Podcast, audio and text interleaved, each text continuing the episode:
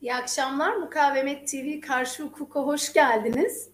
Ee, bu akşam 6. yargı paketi ve e, kadın haklarına ilişkin bölümlerini konuşacağız. E, konuyla ilgili de hepinizin tanıdığı bir konuğumuz var. E, Avukat Hülya Gülbahar, hoş geldiniz. Hoş bulduk, iyi yayınlar. Teşekkür ederim. Davetimizi de kabul ettiğiniz için e, tekrar teşekkür ediyorum. E, meslektaşım önce 6. yargı paketi denilen e, işte biliyorsunuz 5'i var, 4'ü var böyle seri e, film gibi geliyor. E, 6. pakette kadın haklarını e, ilgilendiren ne var? Yani bir nafaka ve boşanma e, hükümlerine ilişkin bir şeyler olduğunu e, okuyoruz medyadan. Ama siz daha detaylıca anlatırsanız seviniriz. Evet, 6. yargı paketinin içinde olabilir, 6. yargı paketinin dışında olabilir. Yine yargı ile ilgili çok önemli değişiklikler olacak. Yani adı üzerinde 6. yargı paketine giriyoruz. Torba paketler e, e, politikası, torba kanun politikasının bir e, uzantısı olarak yargıyı parça parça bozma e, bir yapı söküm halinde e, yeniden dizayn etme politikaları bunlar. Yargıyı özelleştirme politikaları aynı zamanda ve yargıyı yargı eğitimi almamış kişilerin denetimine sokma politikaları. Her pakette bunun yeni bir adımını görüyoruz. Beşinci yargı paketinde çocuk teslimi konusunda icra dairelerin devre dışı bırakılmasına ilişkin düzenlemeler yapılmıştı. Çocuklar mal gibi haczedilemez algı operasyonu çerçevesinde çocukların ve şiddet dolu ilişkilerden kurtulmaya çalışan çalışan kadınların kaderleri bir belirsiz ortama atılmıştı. Yani beşinci yargı paketinde yapılanlardan bir tanesi e, en önemli değişiklik aslında buydu. Ve çok acı bir şekilde çocukları düşünülerek yapıldığı söylenen bu değişiklikler bir yıl sonra yürürlüğe gidecek. Yani insanlar bir sorun var ve hemen çözülüyor sanıyorlar. Hayır, yeni kanunlarda yeni değişiklikler yapılacak bir yıl sonra pilot uygulama başlayacak. Şimdi buradaki en önemli nokta beşinci pakette çocuk teslimi meselesinin yani çocuk teslimiyle ilgili mahkeme kararlarının icrasının e, Adalet Bakanlığı'nın Adli Destek ve Mağdur Hizmetleri Başkanlığı'nın koordinasyonunda nasıl olacak ve niye var bilmiyoruz ama valilikler, belediyeler e, gibi birimlerde tesliminin yapılması söyleniyor. Bakın o kadar çok kadın çocuğumu çok özledim bir göreyim diyen erkekler tarafından öldürüldü ve öldürülüyor gibi bu ülkede çocuk tesliminin icra dairelerinden alınıp valiliklere, yere, belediyelere ve benzer birimlere bırakılması demek bu kadınların, bu çocukların hatta o sürece eşlik edecek devlet memurlarının bile hayatını riske atmak demek ve çok riskli bir düzenleme yapıldı. Artı bu çocuk teslim işleminin e, çocuk gelişmeci, rehber öğretmen gibi ve benzeri uzmanlar aracılığıyla yapılacağı söyleniyor. Bakın e, boşanma komisyonu raporunda e, bu tür süreçlerde yer almak için meslek uzmanı olma şartı da bir tarafa bırakılmıştı. İmam Hatip mezunuysanız bu süreçlere eşlik edebilirsiniz artık. Bu yapılacak küçük bir düzenlemeyle mümkün olacak bir şey. Onun için artık 5. yargı paketindeki düzenlemeyle kadınların ve çocukların hayatları daha da risk altında. Şimdi gelelim 6. pakete. Şimdi bu paketlerin içerisinde kadınlarla ve çocuklarla ilgili düzenlemeler konusunda şu e, stratejiyi unutmamalıyız. 2015 yılında yanlış hatırlamıyorsam meclisten geçirildi. Mecliste kurulan kısa adını söyleyeyim ben zaman harcamaya değmez. Boşanma Komisyonu raporu boş, meclisin boşanma komisyonu raporunda bugün yargı paketleri içine atılan bütün değişiklik önerileri zaten yazıyordu. Ama maalesef İstanbul Sözleşmesi'nde olduğu gibi el arttırıldı. Boşanma e, komisyonu raporunda örneğin e, işte boşanmanın hızlandırılmasıyla ilgili olarak boşanmalar hızlandırılsın diyor. Boşanma komisyonu raporu özet olarak boşanmayı erkekler için hızlı ve ekonomik hiçbir yükü olmayan bir e, prosedüre dönüştürmek istiyor. Kadınlar için ise her türlü ekonomik hakkına e, ve hatta itiraz hakkına sınırlamalar getirerek zorlaştırmak istiyor. Felsefe bu. Boşanma komisyonu raporu dediğimiz raporun felsefesi Türkiye'de boşanmayı erkekler için hızlı ve acısız yani ceplerinden mümkün olduğunca hiç para çıkmadan gerçekleştirmenin e, yollarını açan bir şey kanun. E, dediğim gibi İstanbul Sözleşmesi'nde çekinceler e, koymak tartışılırken küt diye İstanbul Sözleşmesi'nden çıkış kararı alındı. Şimdi de tartıştığımız konulara çok dikkatli yaklaşmamız gerekiyor. Bütün hukukçuların, bütün kadınların ama bütün bir toplumun çok dikkatli yaklaşması gerekiyor. Maalesef siyasi iktidar el yükseltti. İstanbul Sözleşmesi'nde olduğu gibi. Ee, yani boşanma komisyonunda boşanmaları hızlandıralım. Ee, bir boşanma davası reddedilen kusurlu eşin 3 yıl beklemesi saçma, bekleme süresini bir yıla indirelim gibi bir önerisi vardı örneğin. Oysa şimdi boşanma davası açılır açılmaz nafaka dahil bütün ekonomik konular sonraya bırakılsın pat diye boşanma gerçekleşsin. Biz sonra nafakayı, biz sonra maddi manevi tazminatı, biz sonra mal rejiminden kaynaklanan alacakları e, tartışalım diyorlar. Bakın boşanma komisyonu raporundan daha da bir yükseltilmiş el ile karşı karşıyayız. Buna hepimizin çok, çok dikkat etmesi lazım. Ee, çok kısa orada bir soru sorayım. Boşanma komisyonu raporu 6. yargı paketine aslında bir nevi e, yol mu açtı? Yani oradan bir e, yol mu başlatıldı bu e, süreçle ilgili? Yani boşanma komisyonu raporu aslında 6284 sayılı yasa, şiddete karşı Türk Ceza Yasası, medeni yasa gibi temel yasalarda e, yapılmış olan kadınlar lehine ya da objektif diyeceğimiz düzenlemelerin parça parça geri alınmasına ilişkin siyasi iktidarın bir yol haritası. O günden beri hatırlarsınız 2016'da çocuk istismarcılarına af getirilmesini tartışmıştık. O tarihten beri nafakayı tartışıyoruz. Boşanan kadının yoksulluk nafakasını tartışıyoruz. O tarihten beri çocuk istismarcılarına af getirilmesini tartışıyoruz. Yani bu tartıştığımız konular o tarihten beri var. Dolayısıyla o tarihten beri Türkiye'de kadın örgütleri bir araya geldik. Nafaka platformu oluşturduk. 100, e, TCK 103 platformu oluşturduk. Çeşitli platformlar kurduk. En son baktık platform kurmakla baş edemiyoruz. Hepsini bir araya toplayalım. Eşik adı altında bir araya gelelim ve bu saldırılara karşı birlikte mücadele edelim diyerek eşik platformunu oluşturduk. Yani bu e, bitmeyen bir e, e, iktidar programı bu medeni yasayı, TCK'yı 6284'ü parça parça e, devre dışı bırakmak aynen İstanbul Sözleşmesi'nde olduğu gibi uygun bir konjonktür bulduğunda da zaten tamamen lağvet. Hedef bu. 2016'dan beri izlenen program bu. Şimdi el arttırıldı. Yani ne nasıl el arttırıldı? Bugünlerde kamuoyu e, çok yakından takip ediyor ki üç tane kadına yoğun bir saldırı oldu. Gülşen'e kıyafeti nedeniyle ve kıyafet çok önemli, çok kritik bir kavramdır ve ifade özgürlüğünün en önemli araçlarından bir tanesidir. Siz düşüncelerinizi paylaşmayabilirsiniz o an için ama kıyafetiniz topluma e, politik olarak ve e, toplumsal olarak çok şey söyler ve Gülşen'e kıyafeti nedeniyle yapılan saldırı çok önemli ve ağır bir saldırıydı. Aynı şekilde Sezen Aksu'ya yapılan saldırı bir sanatsal üretim, bir ifade özgürlüğü nedeniyle yapılan saldırı. Yani dil koparma tehdidine kadar gidecek bir saldırıydı. Sedef Kabaş'ın bir atasözüne e, ilişkin politik eleştirisi katılın katılmayın. Bu bir politik eleştiridir. ifade özgürlüğüdür. Tutuklu yargılanmaya başlanması. Bunlar hep bu iktidarın el arttırdığını gösteren şeyler. Dolayısıyla biz şu anda kadın hareketi olarak ve Türkiye toplumu olarak ve tabii ki Türkiye'nin muhalefeti olarak çok uyanık olmak zorundayız, çok dikkatli olmalıyız. Çok tehlikeli bir sürece girdik. Yani İstanbul Sözleşmesi'nden pat diye bir gece yarısı çıkıldığı gibi pat diye medeni yasa, yasada aile reisliği geri geldi denebilir. Pat diye medeni yasa bir tarafa itilebilir. Yani bu kadar riskli bir sürece girdik.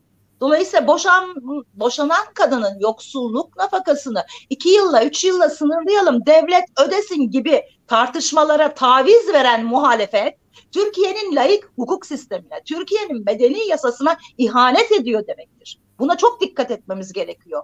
Ya sevgili Bilgecim, sen de istersen bu konuda görüşlerini hemen ekle burada. Ben çok Şöyle. doluyum. Beni susturamazsın. Şöyle yo hayır hayır e, çok güzel gidiyorsunuz. Ben e, şey e, arada e, zaten giriş yapıyorum. Ben de size şunu sormak istiyordum. Şimdi e, bu daha iktidara yakın medya organları tarafından paket tanıtılırken hep şöyle bir e, terim kullanıldı. Süresiz nafaka kaldırılacak. Yani sanki süresiz bir hani nasıl desem hak ve yükümlülükler gözetildiğinde erkeklere sanki işte adaletsiz, orantısız bir yükümlülük yüklenmiş. Bu da bir süresiz yükümlülükmüş. E, ve bu kaldırılacakmış. Yani pratik bir husus getirilecekmiş gibi lanse edildi. Öncelikle hani programımızı izleyen genç avukat arkadaşlar olabilir. Mesela ben bunun yoksulluk nafakası değil de süresiz nafaka diye medya organları tarafından e, etiketlenmesini e, çok garipsedim açıkçası. Çünkü hukuki bir terimi alıp değiştirip manipülatif bir şekilde medyadan sunmak zaten aslında bir hani tabii bizim amacımız niyet okumak değil ama bir niyet göstergesi oluyor. E, mesela öncelikle bu e, şeyden biraz bahsedebiliriz sizin için uygunsa. Mesela yoksulluk nafakası neye yarar? E, zaten aslında kadının asgari ücretin daha daha üstünde yani yeterli bir gelir getirdiğinde erkek tarafından başvuru yapılarak sonlandırılabilecek bir nafaka zaten süresiz değil aslında baktığınızda böyle bir şey değil. Yani bu konuyu biraz konuşabiliriz isterseniz. Ee, ay çok e, haklı olarak bunun bir algı operasyonu, manipülasyonun bir parçası olduğuna işaret ettiniz. Öyle. Aynen çocuk istismarcılarına af getirme girişiminde olduğu gibi, akran evliliği, genç evliliği gibi kamuoyunun e, e, adalet duygusunu yanıltacak, oraya seslenen kavramlar ortaya atılıyor. Ama yapılmak istenen ne? Unutmayalım. Çocuk cinsel istismarında çocuklara tecavüz etme yaşını 12'ye indirmek istiyorlar. Ellerinden gelse 9'a indirmek isteyecekler. Şu anda 17 olan çocuk evlilik yaşını 12'ye indirmek istiyorlar. Ve buna ilişkin e, zamanımız kalırsa mutlaka konuşalım. 6. yargı paketinin dediğim gibi içinde ya da yanında çocuk istismarcılarına af çıkartma girişimi de var. Yine muhalefetin çok tetikte olması gerekiyor. Muhalefetin bu akran evliliği, genç evlilik tuzaklarına düşmemesi gerekiyor. Bugün İslam e, konferansı örgütü üyesi ülkelerde bile 21 yaşında, 22 yaşında, 19 yaşında evlilik evlenme yaşı düzenlemelerini görüyoruz. Türkiye 17 yaşında. E, mahkeme kararlı 16 yaşında evlilikten bahsediyor. Bizim evlilik yaşını indirmemiz değil, yani çağdaş İslam ülkeleri gibi bu kavramı kullanmak zorundayım. Ne, ne yazık ki laiklik konusunda son sıraya gider bir ülke olduğumuz için bir takım İslam ülkelerinde olduğu gibi evlilik yaşını 18'in üstüne çıkarmamız lazım. İndirmek ne demek? Dolayısıyla o algı operasyonu tuzaklarına çok dikkat etmek gerekiyor. Aynı şey boşanan kadınlara bağlanan yoksulluk nafakası içinde söz konusu. Sevgili Bilge işaret ettiğin gibi süresiz nafaka kavramıyla nafaka ile ilgili gerçeklikler saptırılmak isteniyor. Bu konuda eşlik eşitlik için kadın platformu olarak son bir bildiri yayınlamıştık. Ee, hem yapılmak istenenleri anlatan hem de e, fona bağlanması, nafakanın fona bağlanmasının risklerine, tehlikelerine işaret eden bir bildiri yayınladık. O bildirinin içinde bir link var. Bu linkte şu ana kadar yoksulluk nafakası konusunda Kadın Dayanışma Vakfı'nın Ankara'daki vakfımız, e, İstanbul Barosu'nun, e, Diyarbakır Barosu'nun, e, Konda Araştırma Şirketi'nin, bakın araştırma şirketi, barolar, kadın örgütleri yaptığı araştırmalar var ve bu araştırmaların linkleri var. O araştırmaların herhangi birisine baktığınız zaman göreceksiniz ki Türkiye'de bir nafaka sorunu var ve bu sorunu kadınlar ve çocuklar yaşıyor. Bir nafaka mağduriyeti varsa kadınlar ve çocuklar nafaka mağduru bu ülkede. Neden? Çünkü bir, kadınlar hak ettiği halde nafaka alamıyorlar. Yoksulluk nafakası denen nafaka bütün kadınlara bağlanmıyor. Kadınlar ya şiddete maruz kalmamak, bir an önce canını kurtarmak için nafaka taleplerinden vazgeçiyorlar. Hatta kendileri için değil, çocukları için nafaka talebinden de vazgeçiyorlar. Ya da kadınlar hak ettiği halde yargı eliyle nafakaya hükmedilmiyor. Nafakaya hükmedilmesinin şartları var boşanan her kadına nafaka ödeniyormuş e, algısı yaratmak bir algı operasyonu. Yanlış. İki, bağlanan nafakalar medyada yüksek nafakalara, anlaşmalı boşanmalardaki yüksek nafakalara kanıp e, bütün kadınların on binlerce lira aylık nafaka alıp onunla refah içinde yaşayıp e, yan gelip yattığını iddia edenlerin tuzaklarına düşmemek gerekiyor.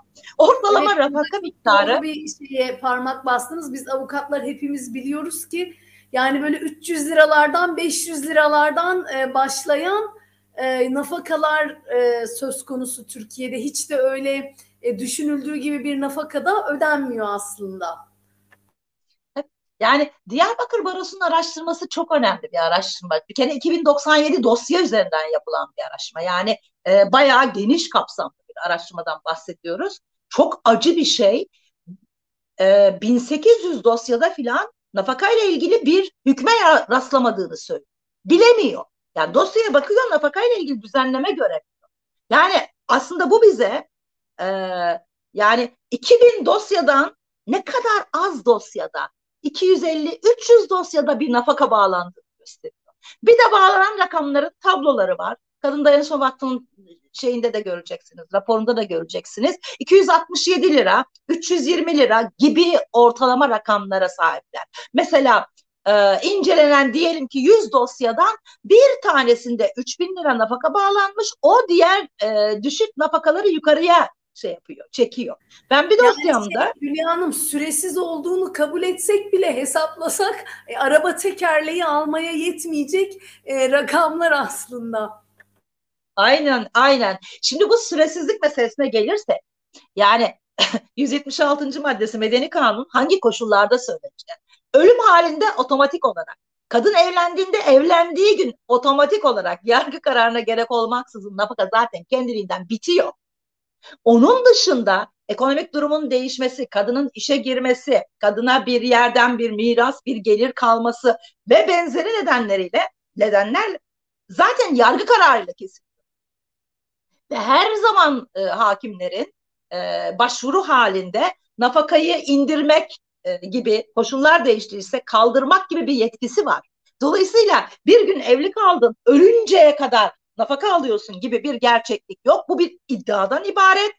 Ee, biz e, az önce saydım e, linklerini Eşik web sayfasında bulabilirsiniz nafaka ile ilgili yapılan araştırmaların. Onlarca araştırma ve bizlerin hukukçular olarak onlarca yıla dayanan tecrübelerimiz var. Ben şu ana kadar bir gün evli kalıp 10 yıldır 20 yıldır nafaka ödeyen kimseye rastlamadım.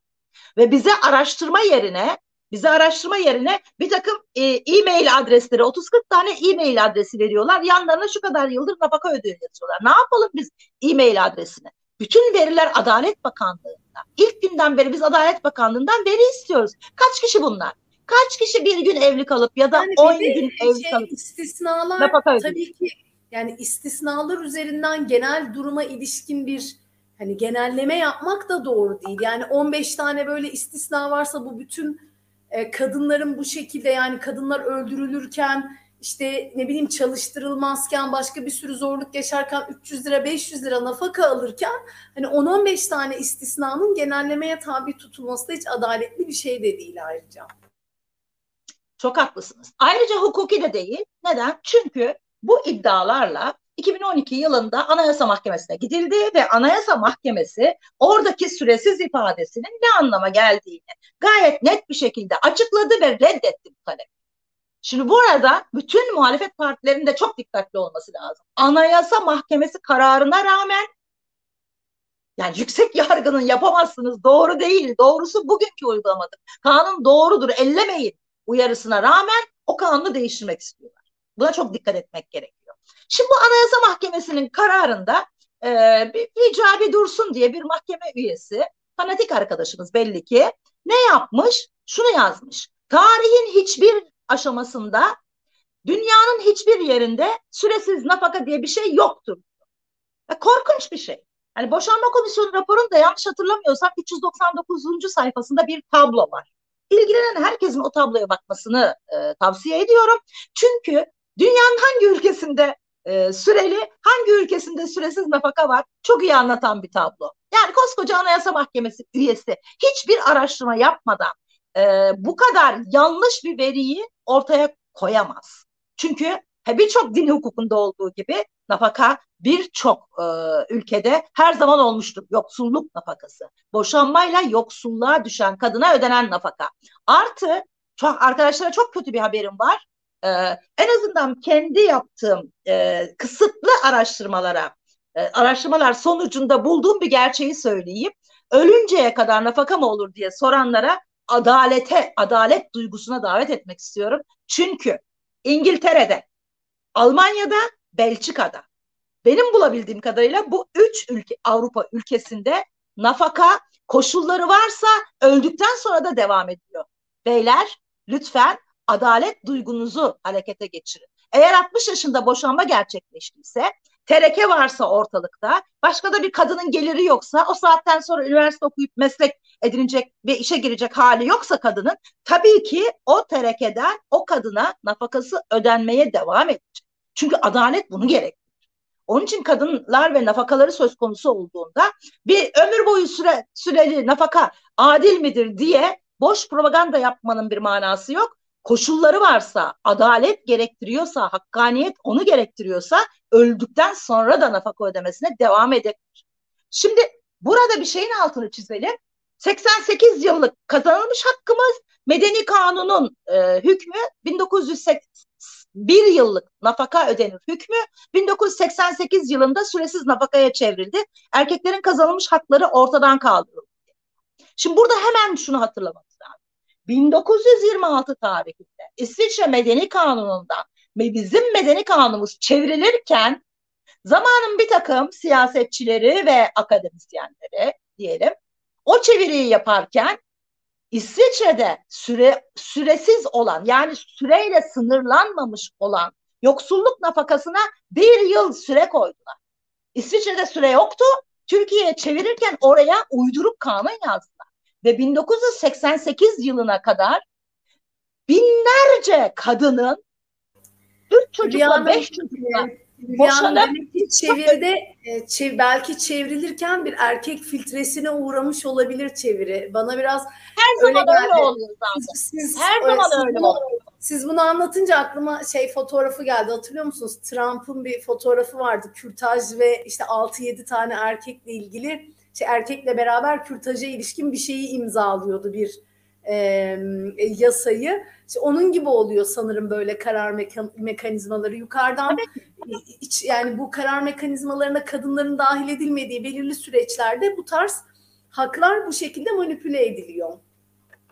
Evet yani erkekler kazanılmış hak dediğimi dedikleri nafakayı bir yıl süreme, süreyle ödeme tırnak içinde hakkını çeviride e, kadınların aleyhine değişiklik yaparak ve topluma ve kadınlara yalan söyleyerek elde ettiler. Ortada kazanılmış, hak edilmiş bir şey yok. Tam tersine 1988'e kadar mağdur edilmiş onlarca yüzlerce kadın var.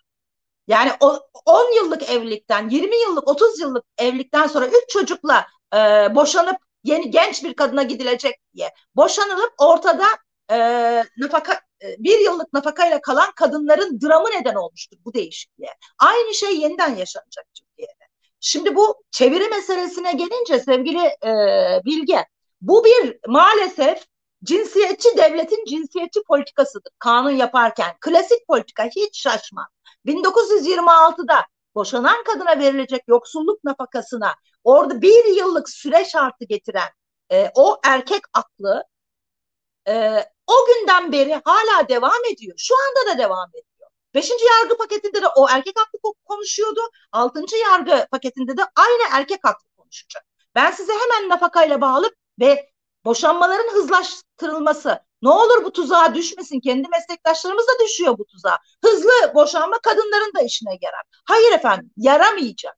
Yapılmak istenen boş ol sistemine yani erkeklerin boş ol boş ol boş ol dediği anda boşandığı sisteme doğru Türkiye'yi sürüklemek. Ne yapmak istiyorlar? SMS mesajıyla, e-maille falan boşanacak kadar hızlı hale gelsin istiyorlar boşanmalar. Bir an önce yeni kadınlarla e, hayat sürmek, keyif etmek için eski kadınları çocuklarla beraber bir an önce ortada bıraksın istiyorlar. Şimdi bakın hemen dönelim. Hızlı boşanma derken şimdi bir itiraz yükselince kadınlarda e, boşanmaya karar verilsin, nafaka ve mali konular sonra e, düzenlensin. Yani Orada niye yargı uzun? Orada niye beş sene yargıya bırakıyoruz meseleyi? Niye boşanmayı hızlandırıyoruz da boşanmanın mali sonuçlarını da hızlandırmıyoruz? Ha, bu soruya cevap verin bakalım.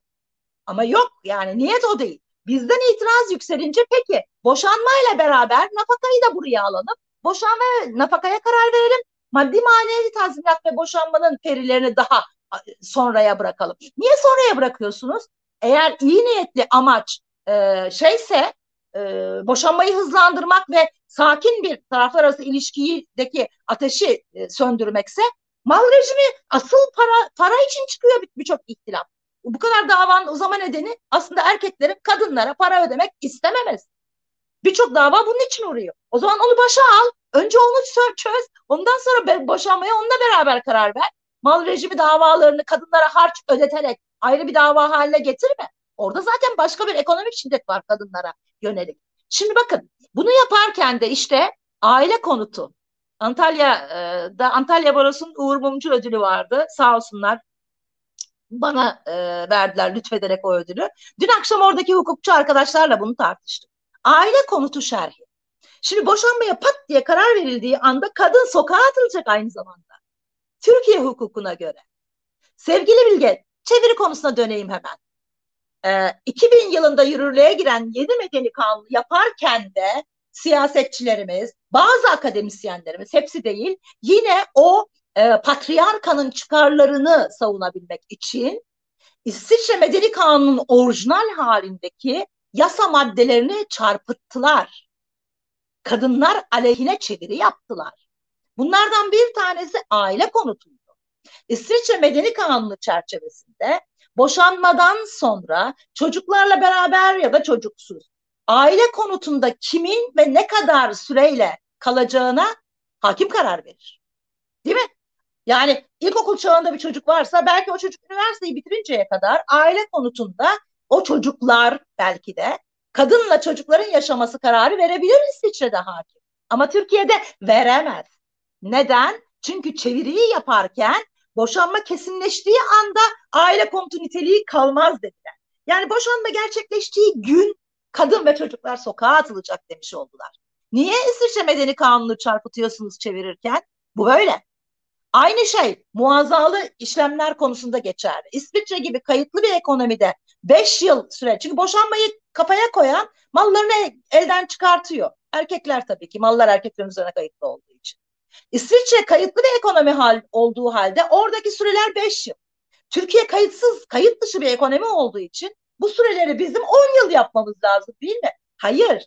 Aynı siyasetçiler ve akademisyenler onu çevirirken 3 yıl, 1 yıl, 3 yıl gibi İsviçre'den de düşük sürelere indiriyorlar. Siz her şeyi birebir çeviriyorsunuz da neden bu tür kendi cebinize dokunan kadınların ekonomik haklarına gelince şakır şukur oraları çarpıtıyorsunuz?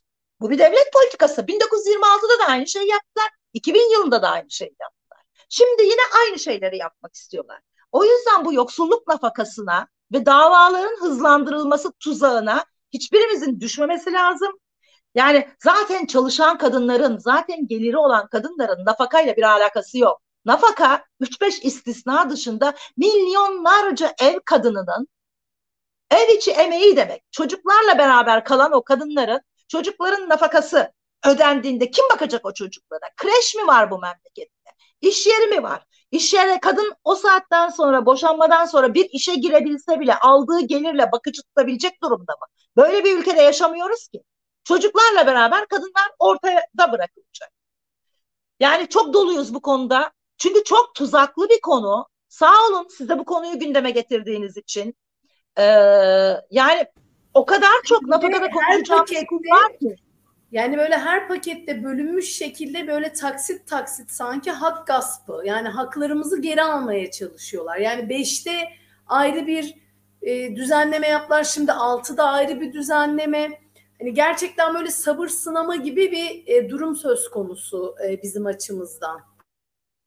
İşte o yüzden eşikte şöyle bir şey söylüyoruz. Yasalara dokunma, uygula.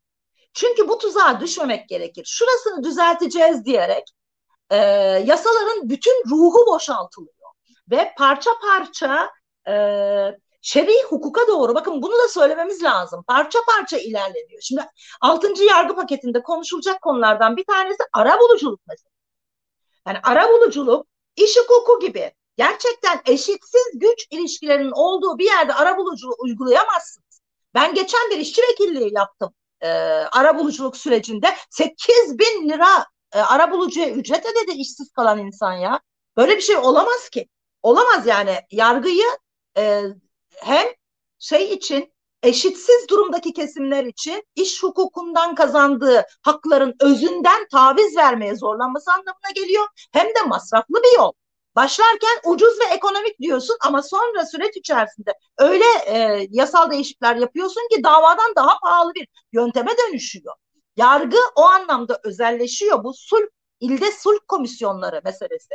Yargının üzerinden iş yükü alınacakmış. Şimdi diyor e, uzman tarafsız üçüncü kişilerden yardım alınacak sulh komisyonlarında. Peki hangi davalara bakacak? Din aile davalarına bakıyor. Senin uzman e, tarafsız üçüncü kişi dediğin imam hatip mezunu bir imam da olabilir. Bunun önünde bir engel yok ki. Siz yargıyı ne yapıyorsunuz? Arabulucular için nasıl hakim olmayanları da arabuluculuğu yapıyorsunuz. Dolayısıyla orada da avukatlar yani hukuk mezunu olmayanları arabulucu yapıyorsunuz. Düzelteyim hemen. Yani e, hukuk mezunlarıyla başlayıp küt bir yönetmelik değişikliğiyle, küt bir yasa değişikliğiyle bunu hukuk mezunu olmayanlara da yaydığınız zaman illerdeki sulh komisyonları neyin sulhunu sağlayacak? Kimle kimi hangi koşullarda sulh e, sulha zorlayacak? Bu e, şiddet gören kadınların gerçekten daha da ağır şiddetlere maruz kalması, şiddet gördüğü için devlete başvurduğu, yargıya ya da yargı benzeri e, mekanizmalara başvurduğu anda arabuluculukla, uzlaşmayla o şiddet ortamına geri gönderilmesi anlamına geliyor. O kadar çok kadın bu, bu nedenle öldürüldü ki. Yani bu, biz basında bunun haberlerini görmüyoruz. 2012'de biz şiddet yasasını 6284 sayılı yasayı hazırlarken devletin sığınağında kalan Şefika Eti'nin kocası elinde bir demet çiçekle gelip seviyorum karımı barışmak istiyorum demişti. Gizli olması gereken sığınan adresini nasıl bulduysa ve oradaki görevliler o kadınla gitmesine, kadının bu adamla gitmesine izin verdiler. Kadın evde daha duşa girdiği anda sırtından bıçaklanarak öldürüldü Şefika. Yani bu uzlaşma ve arabuluculuk meselesini aile hukukuna, kadın erkek ilişkilerine doğru yaydığınız zaman kadınların can güvenliğini, şiddetsiz bir hayat hakkını, sakat kalmadan yaşama hakkını e, tamamen erkeklerin ve onlarla birlikte düşünen, onların çıkarlarını kollamayı kendine e, düstur edilmiş olan bir dolu devlet görevlisinin insafına bırakıyorsunuz demektir. Onun için bu yeni paketteki e, sulh komisyonları kurulması, çünkü gerçekten tarafsız üçüncü kişilerden bahsediyor. O kadar tehlikeli bir süreçten e, bahsediyoruz. Yargının özelleştirmesi, yargının şer'i hükümlere parça parça kaydırılması e, anlamına geliyor. Şer'i hükümler diyorum. Hani bunu neden söylediğimi de e, hemen somutlaştırayım. Yani boş bir slogandan bahsetmiyorum. Şu anda 6. yargı paketinde ya içinde ya da dışında bu konuyla ilgili yapılacak değişiklikler Cumhurbaşkanlığında yapılan toplantılarda biçimleniyor. Ve o toplantılarda kadın örgütleri yok. O toplantılarda barolar yok. Ama o toplantılarda Diyanet İşleri Başkanlığı var. Yani Diyanet İşleri Başkanlığı ile birlikte biçimlendiriliyor bu yasa değişiklikleri. Bu bize bir şey anlatmalı. Çünkü girip YouTube'dan Diyanet İşleri Başkanlığı'nın e, YouTube TV'si var, Diyanet TV'si var. Onun kayıtlarına bakarsınız orada profesör sıfatlı bir takım din adamları, tam adamlar ama e, boşanan kadına ödenecek nafakanın 3 ayla sınırlı olması gerektiğini, yani iddet müddetiyle sınırlı olması gerektiğini, bazıları 4 ay diyor, hangisi bilmiyorum. 3 ya da 4 ayla sınırlı olması gerektiğini, onun dışında ödenecek nafakanın haram olduğunu söylüyorlar. Haram kavramını kullanıyorlar. Dolayısıyla erkekleri bir yıldır, iki yıldır, üç yıldır koşulları varsa nafaka ödeyen erkekleri haram ödüyorsunuz. Harama sebebiyet veriyorsunuz diyerek kışkırtıp kadınların üzerine salıyorlar. Ve bakın bu çok önemli nokta. Ve bu erkeklerin şiddet uygulamasına neden olan bir şey. Ne demek üç aydan sonraki rakam şey e, nafaka haramdır diye. Geçtik ömür boyu nafakayı. Onun için bir takım nafaka karşıtı erkekler üç aydan sonra ödemeyeceğiz diyorlar. Peki bu kadının nafakası. Çocuğun nafakası için Diyanet ne diyor? Çocuğun kız çocuklar için 9 yaşına, erkek çocukları için 12 yaşına kadar nafaka ödenmeli diyor. Sonra ne olacak? O çocuklar 9'da 12'de evlenecek mi kız ve erkek çocuklar? Sonra okula, okula devam etmeyecekler mi? O nafaka ne olacak? Babalık bitiyor mu o yaşta? Yani bunlar o yüzden çok dikkat etmemiz gerekiyor.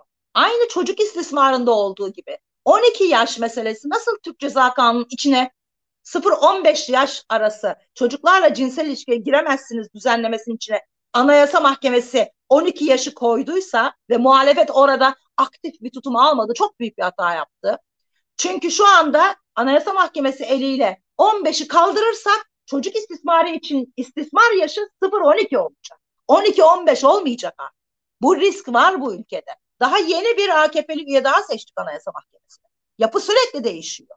Siz genç evlilik için TCK 103'te 262 aile için af çıkartırsanız çocuk cinsel istismarcılarına istismarcıyla 5 yıl, yıl süren başarılı bir evlilik söz konusuysa eğer hem her yaştan kadın için tecavüzcüyle evlilik mekanizmasını geri getiriyorsunuz demektir. Hem de çocuklarla cinsel ilişki yaşını ve evlilik yaşını 12'ye kadar indirmenin hukuki olarak yolunu açıyorsunuz demek. Ve onun için iktidar Diyanet de el ele bir yasa değişikliği yapıyorsa Diyanet'in bu konuda ne dediğine bakmak lazım. Yapılacak parça parça değişiklikler bizi şerri hukukun şerri hükümlerine götürecek yolu açıyor demektir. Daha doğrusu şerri hükümler de demeyelim. Bir takım din adamlarının kendi kafalarına göre yaptıkları din yorumunun hukuk haline geliyor olması demek. Buna çok dikkat etmemiz lazım. Kadınların nafakası meselesi de öyle. Ve bir şeyin daha hemen altını çizeyim. Ee, ne olur hele hukukçular bu tuzağa düşmesin. Sevgilisiyle nafaka artırım davası açtı. Sevgilisiyle el ele geldi. Ee, nafakayı arttırın hakim bey. Ee, sevgilimle evlenemiyorum dedi. Bunlar yalan. Bunların yalan olduğunu bütün hukukçular biliyor. Çocuğun nafakası o. Yani medeni yasada fiilen evli gibi yaşıyor olmak zaten nafakanın kesilmesi için yeterli. Bırakın arttırım davasına kadının nafakayı arttırın diye sevgilisiyle gelmesi nafakanın kesilmesi nedeni zaten. Burada çocuklara ödenen nafaka söz konusu. Bin lira nafaka ödüyorum, 1500 lira nafaka ödüyorum, işsizim, mağdurum diye anlatan adamların anlattığı nafakalara bakın. 400-400 çocuk içindir, 300-200 kadın içindir. Toplayıp söylüyorlar. Çocukların nafakasını kadınlara ödenen nafakaymış gibi anlatıyorlar. Çünkü kadınların kendilerinin nafaka almasını istemedikleri gibi çocuklar için ödedikleri nafakayı da kadınlara ödemek istemiyorlar. Kadının eline çocuklar üzerinden bile bir kuruş para geçmesin istiyorlar. Ve maalesef muhalefetteki kimi milletvekilleri de bu tuzaklara düşüyor. Bakın tazik hapsi kaldırılsın diyor. Yoksulluk tazik hapsi var. Zaten nafaka ödenmiyor. Tazik hapsini de kaldırırsak hiç ödenmeyecek. Ama dikkat tazik hapsi kaldırılırken çocukların nafakasındaki tazik hakkının kaldırılmasını da istiyorlar.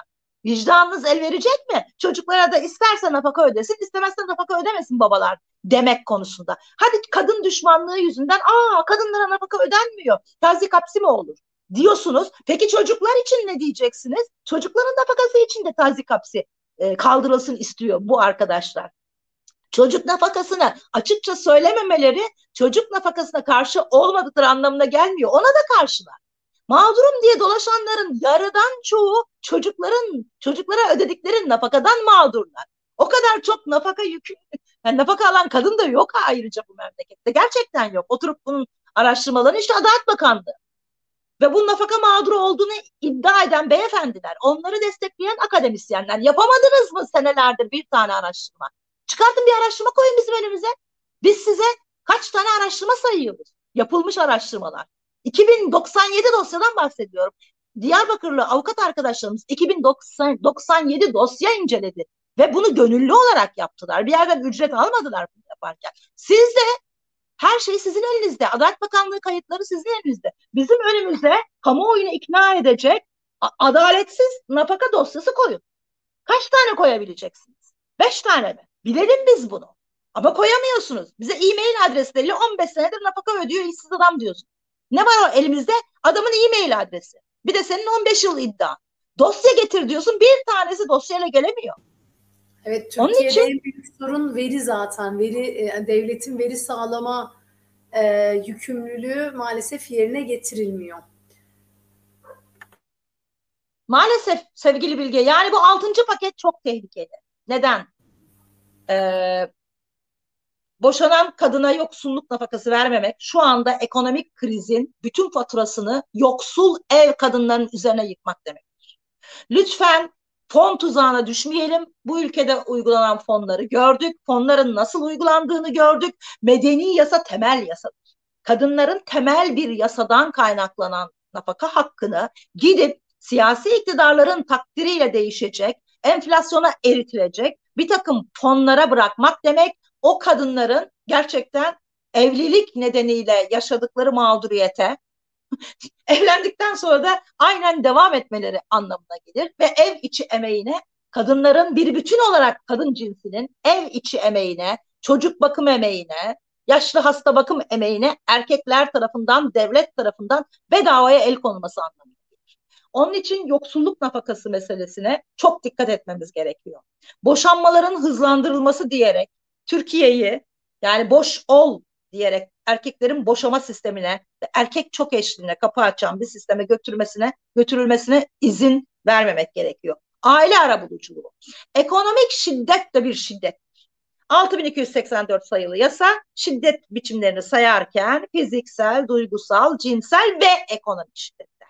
İstanbul Sözleşmesi ki İstanbul Sözleşmesi 6251 sayılı yürürlük yasası yürürlükte olduğu için yürürlüktedir Türkiye'de şu anda. O da ekonomik şiddet içerisinde ekonomik şiddeti sayar. Aile arabuluculuğu getiriyoruz. Bunu sadece parasal konular için getiriyoruz dediğiniz anda şu anki yasalarımızda yürürlükte olan şiddet tanımını değiştirmiş ve içinden ekonomik şiddet çıkartmış oluyorsunuz. Buna izin vermememiz gerekiyor. Aile arabuluculuğu çok tehlikeli bir süreç. Aynı şekilde illerde sulh komisyonları oluşturulması. Çok tehlikeli bir süreç.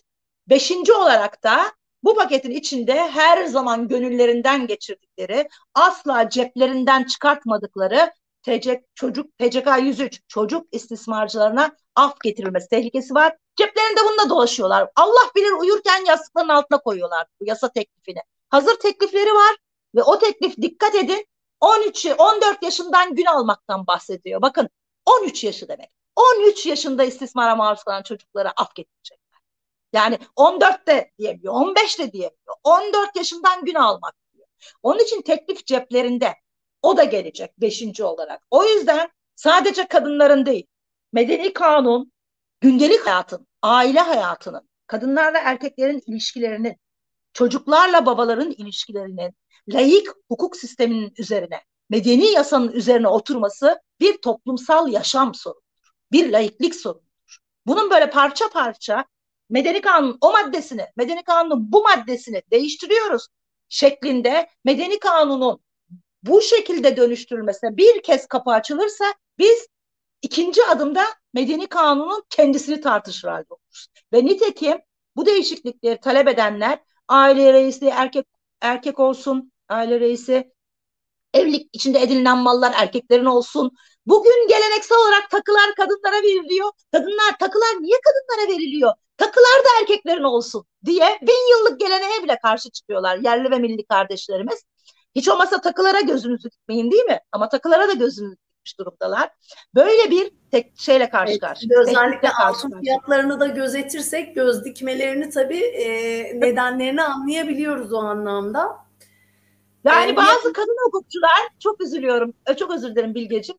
Bazı kadın meslektaşlarımız yani bir de genç kadınlar bunlar. Çok çok üzülüyorum onları dinlediğim zaman. Takılar Türk hukukunda kadınlarındır. E, gram tak, altın takın diyorlar ya. Yani bu bu bu yani bu olmaz artık. Yani bu kadar adaletsizlik olamaz. Hülya Hanım gerçekten hem e, konuyu hukuki hem de politik boyutuyla çok güzel açıkladınız. E, ben çok teşekkür ediyorum. Uçak yolculuğuna rağmen bizi kırmadınız, programa katıldınız. E, memnun oldum sizinle tanıştığımıza. İyi akşamlar ben diliyorum. Ben de çok memnun oldum. Ben de çok memnun oldum. Bir şey söyleyeyim. Üç tane kadın şu anda çok ciddi bir saldırı altında. Bakın bu üç kadın da çok büyük bir cesaret örneği gösterdiler. Gülşen taviz vermedi. Ben böyle giyiniyorum, böyle giyineceğim dedi. Hiçbir sıfatın kölesi olmayacağım. Annelik dahil buna dedi. Bu çok yürekli bir çıkıştı. Aynı şey Sezen Aksu için geçerli. Aynı şey Dilek Kabaş için geçerli. Ben bu üç kadının şu anda hedefe konmasını ve bu kadar ağır bir şekilde hedefe konmasını yani dil kopartma tehdidi yapacak kadar hedefe konmasının rastlantı olmadığını düşünüyorum. Farkında olalım. Bütün kadınlar tehdit altındayız. Ama üç kadının üçü de inanılmaz büyük bir cesaret örneği gösterdiler. Bu cesareti bütün muhaliflerin göstermesi lazım. Bütün bu toplumun bu cesareti göstermesi lazım. Böyle algı operasyonlarında ama şurada da haklılar ama burada da haklılar diyerek e, geri çekilmenin ve yaşam tarzımızı yani laik, kadın erkek eşitliğine dayalı e, yaşam tarzını e, savunmaktan vazgeçmenin, Enes Kara örneğinde olduğu gibi çocukların sahibi babalardır diye düşünmeye devam etmeyi sağlamanın e, gerçekten demokratik bir toplum, eşitlikçi bir toplum yaratmakla hiçbir alakası yok. Muhalefetin çok dikkatli olup bu tür tuzaklara düşmemesi gerekiyor. Çok teşekkür ediyorum. İyi akşamlar diliyorum. Görüşmek İyi akşamlar üzere. herkese. Sağ olun. Thank you.